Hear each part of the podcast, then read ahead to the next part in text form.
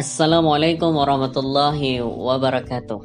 Selamat pagi, siang, dan malam teman-teman semuanya di mana pun teman-teman berada. Semoga selalu dalam keadaan sehat. Allah kasih berkahan umur kepada teman-teman dan Allah mudahkan segala hajat teman-teman untuk menuju keberhasilan bagi teman-teman. Kembali lagi di podcast On Kazani Online Kajian Islam Zaman Ini episode 5 yang diselenggarakan oleh divisi CSI Fakultas Ekonomi Bisnis UIN Syarif Hidayatullah Jakarta. Kenalin dulu teman-teman, aku M. Rizal Ayubi, mahasiswa IPB University. Ya hari ini aku mau sharing sama teman-teman tentang proses menuju keberhasilan teman-teman dan dipenuhi berbagai kegagalan. Quran Surah Al-Insyirah ayat 5 sampai dengan 6. A'udzu billahi minasy syaithanir rajim.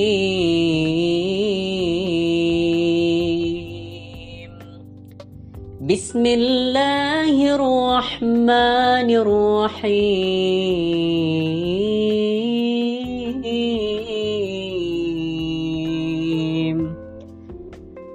Inna ma'al usri yusra. Inna ma'al usri yusra. Ya, lo masih merasa gagal? Masih merasa gituan nggak teman-teman? Kalau iya, berarti harus pakai konsep ayat yang udah Ibu bacakan tadi. Yang itu mood booster banget loh. Dijamin. Lega. Kalau lu hari ini merasa gagal banget, jatuh banget, lu baca ini, lu jadi ingat gitu. Bahwa Allah ada sama kita sebenarnya. Tapi nih sebelum kita bahas dalam banget ayat itu, ada satu ayat juga mood booster banget yang harus teman-teman tahu. Ini ya intro ya. Kalau dibilangnya gini, ya walaupun dalam kehidupan ini akan selalu ada ketakutan ketika kita menghadapi masalah. Ya kadangkala kita udah merasa begitu lelah gitu kan. Pertama nih, semangat banget berkobar-kobar gitu kan. Semangatnya minta ampun Luar biasa semangatnya. Perlahan hilang ketika mulai jatuh sekali. Kemudian coba bangkit, jatuh lagi, jatuh lagi, jatuh lagi. Terkadang dari kita manusia tuh semangatnya hilang. Perlahan tuh terkikis, terkikis, bahkan ada yang sampai menghilang. Ya sebagai manusia biasa teman-teman, udah wajar kita menjalani berbagai fase kehidupan itu dengan situasi yang begitu dinamis. Maksudnya ya berubah-ubah gitu teman. Jadi kita hidup tuh nggak statis doang gitu ya, nggak tetap gitu aja kan. Ya dinamis, berubah-ubah situasinya. Ya ada malam, ada siang gitu kan. Orang alam aja berubah. Kita nggak, mana mungkin nggak berubah. Gitulah bahasanya. Tapi jika terus-menerus merasa gagal dan gak ingin kembali bangkit, ini udah udah termasuk jalan yang salah teman-teman. Salah banget. Hidup tuh kan jangan cepet kali putus asa lah. Baru dikasih cobaan sama Allah itu secuil. Udah ngeluh. Bandingin dong, bandingin. Coba bandingin lah sama cobaan orang lain supaya kita bisa belajar banyak gitu kan bahwasanya cobaan kita itu masih sebesar upil di hidung kita cobaan orang lain tuh lebih gede. Lebih gede lebih besar lagi. Kalau dikumpulin kayak buih-buih di lautan tuh masalah orang. Masalah kita se seupil hidung gitu kan. Kecil banget. Nggak ada bandingan sama orang lain. Tapi masih aja ngeluh. Padahal konsepnya gini, padahal Allah Subhanahu wa taala udah ngasih highlight atau kayak semacam jaminan bahasa mudahnya ya buat kita loh bahwa setiap cobaan yang diberikan Allah nggak bakalan pernah di luar batas kemampuan kita gitu. Jadi ketika lo dikasih cobaan berarti lo sanggup. Bahasanya gitu. Jadi kalau lo masih ngerasa bahwasanya eh gue nggak sanggup itu nggak mungkin. Karena ketika Allah kasih cobaan buat lo berarti lo sanggup. Kalau lo sang nggak sanggup nih ya, nggak Allah kasih cobaan itu itu, nggak Allah kasih masalahnya. Simple kan? Berarti kalau lo dapat masalah, lo bisa menghadapinya. Maknanya ada solusi. Solusinya tuh bukan kayak uh, ditendang bola dikasih ke kita gitu loh. Ya kita harus jemput bolanya, kita harus cari solusinya. Makanya nggak ada perintah tuh kan dalam Al-Quran, marilah berputus asa. Ada, nggak bakalan ada. Lo cari sampai mati nggak bakalan ada itu ayat perintah tentang marilah berputus asa. Nggak ada. Kalau ada disebutkan dalam Al-Quran, aku orang pertama yang akan mengamalkannya. Tapi nyatanya nggak ada teman-teman. Jangan harap. Karena Allah nggak nyuruh kita untuk berputus asa. Bolehlah, sesekali itu ngeluh boleh. It's okay. Karena aku nggak bisa bilang jangan mengeluh gitu kan karena diriku sendiri juga pernah mengeluh. Tapi ingat, ketika kita ngeluh terus-menerus, jangan lupa cari dong solusi untuk permasalahan yang kita hadapi gitu. Jadi bukan hanya tong kosong doang. Ada sesuatu yang kita usahakan untuk menyelesaikan suatu permasalahan walaupun kita terus mengeluh gitu. Ngeluh-ngeluh terus sih oke okay, nggak ada masalah. Ah nama aja manusia. Tapi jangan lupa cari solusinya dari permasalahan yang kita hadapi. Jangan rebahan doang. Ini yang salah. Gini nih teman-teman, aku mau kasih ayat booster yang teman-teman perlu ketahui. Quran surah Al-Baqarah ayat 286. أعوذ بالله من الشيطان الرجيم بسم الله الرحمن الرحيم لا يكلف الله نفسا إلا وسعها Ini kalau aku baca artinya lo nggak perlu tahu tafsirnya tapi udah paham ya artinya ya. Allah tidak membebani seseorang melainkan sesuai dengan kesanggupannya. Jelas banget ya. Allah nggak kasih beban buat lo, buat gua, buat aku, buat kita, melainkan kita tuh sanggup teman-teman. Jadi Allah kasih beban, Allah kasih masalah karena kita sanggup. Karena kita sanggup untuk menghadapi masalah tersebut. Makanya Allah kasih masalah gitu kan. Jadi nggak mungkin ketika Allah kasih beban itu nggak sanggup kita pikul. Itu nggak mungkin. Karena dalam Quran ayat ini tuh jelas banget artinya gitu kan. Jadi nggak mungkin. Laha ma kasabat wa 'alaiha maktasabat. Dia dapat pahala dari kebaikan yang dikerjain. Jadi kita dapat pahala nih ketika kita mengerjakan kebaikan dan kita dapat siksa dari kejahatan yang udah kita perbuat itu. Rabbana la tu'akhidna in nasina au akhtana. Mereka berdoa gitu kan. Ya Tuhan kami, janganlah engkau hukum kami jika kami lupa atau kami melakukan kesalahan. Allah tuh baik banget. Ketika kita lakukan kesalahan, dikasih kesempatan sama Allah, jangan tulis dulu. Mungkin hambaku masih mau berusaha untuk berbuat kebaikan.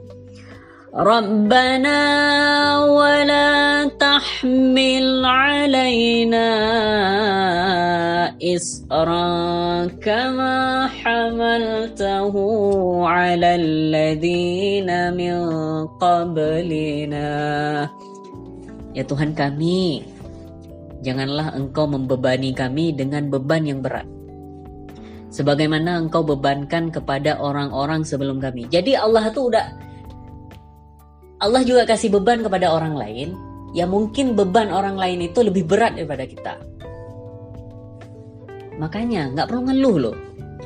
ربنا ولا تحملنا ما لا طاقة لنا به واعف عنا واغفر لنا وارحمنا أنت مولانا فانصرنا على القوم الكافرين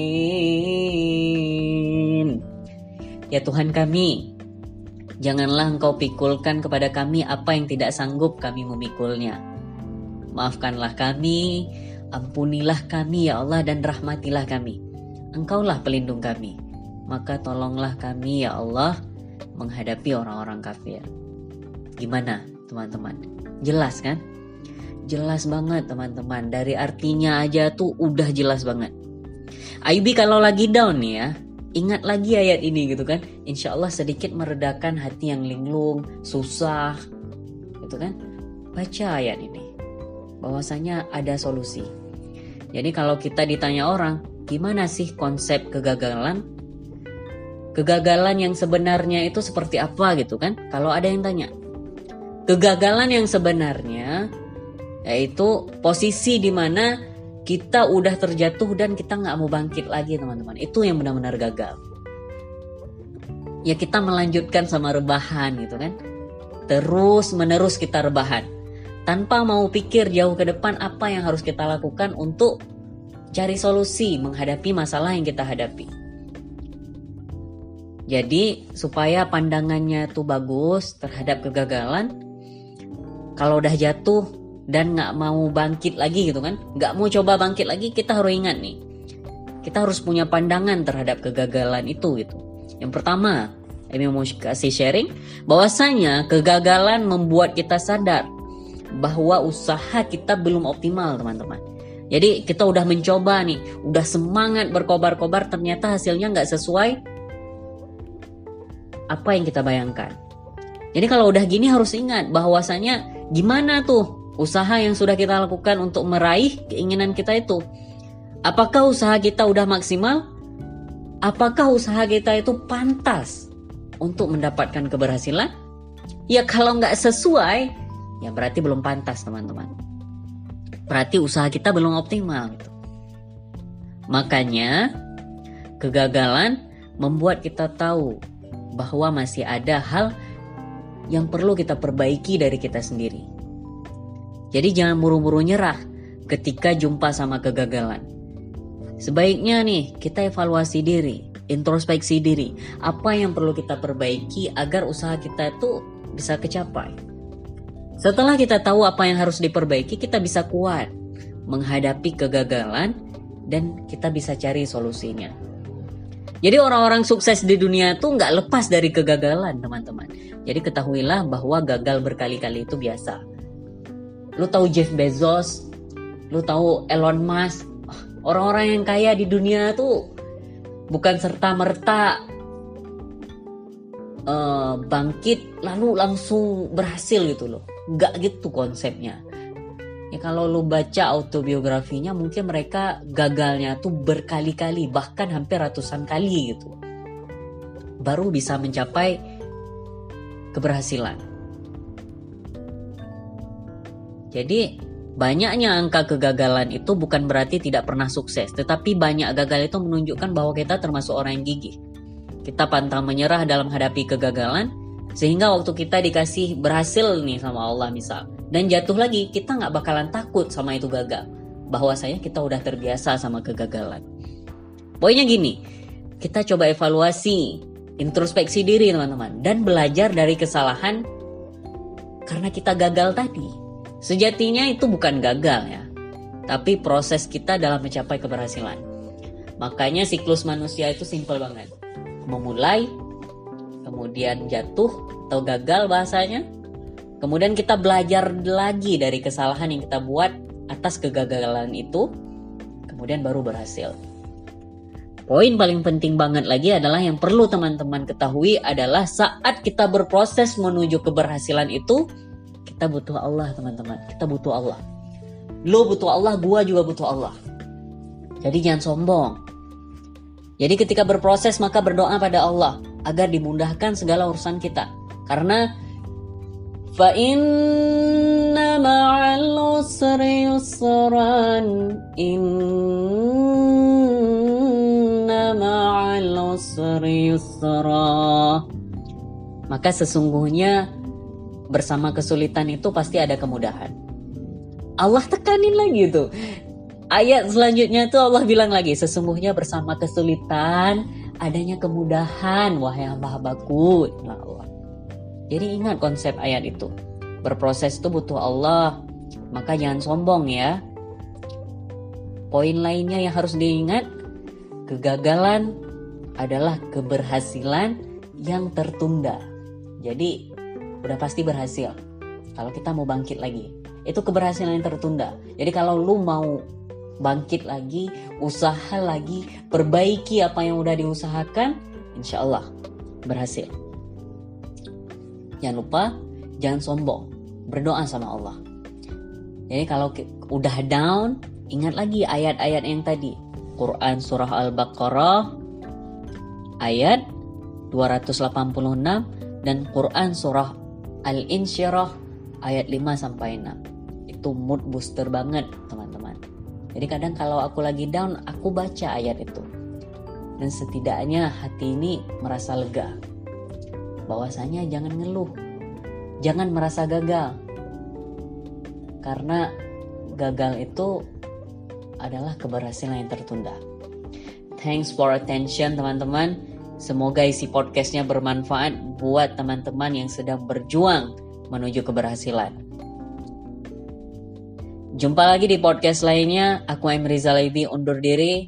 Wassalamualaikum warahmatullahi wabarakatuh.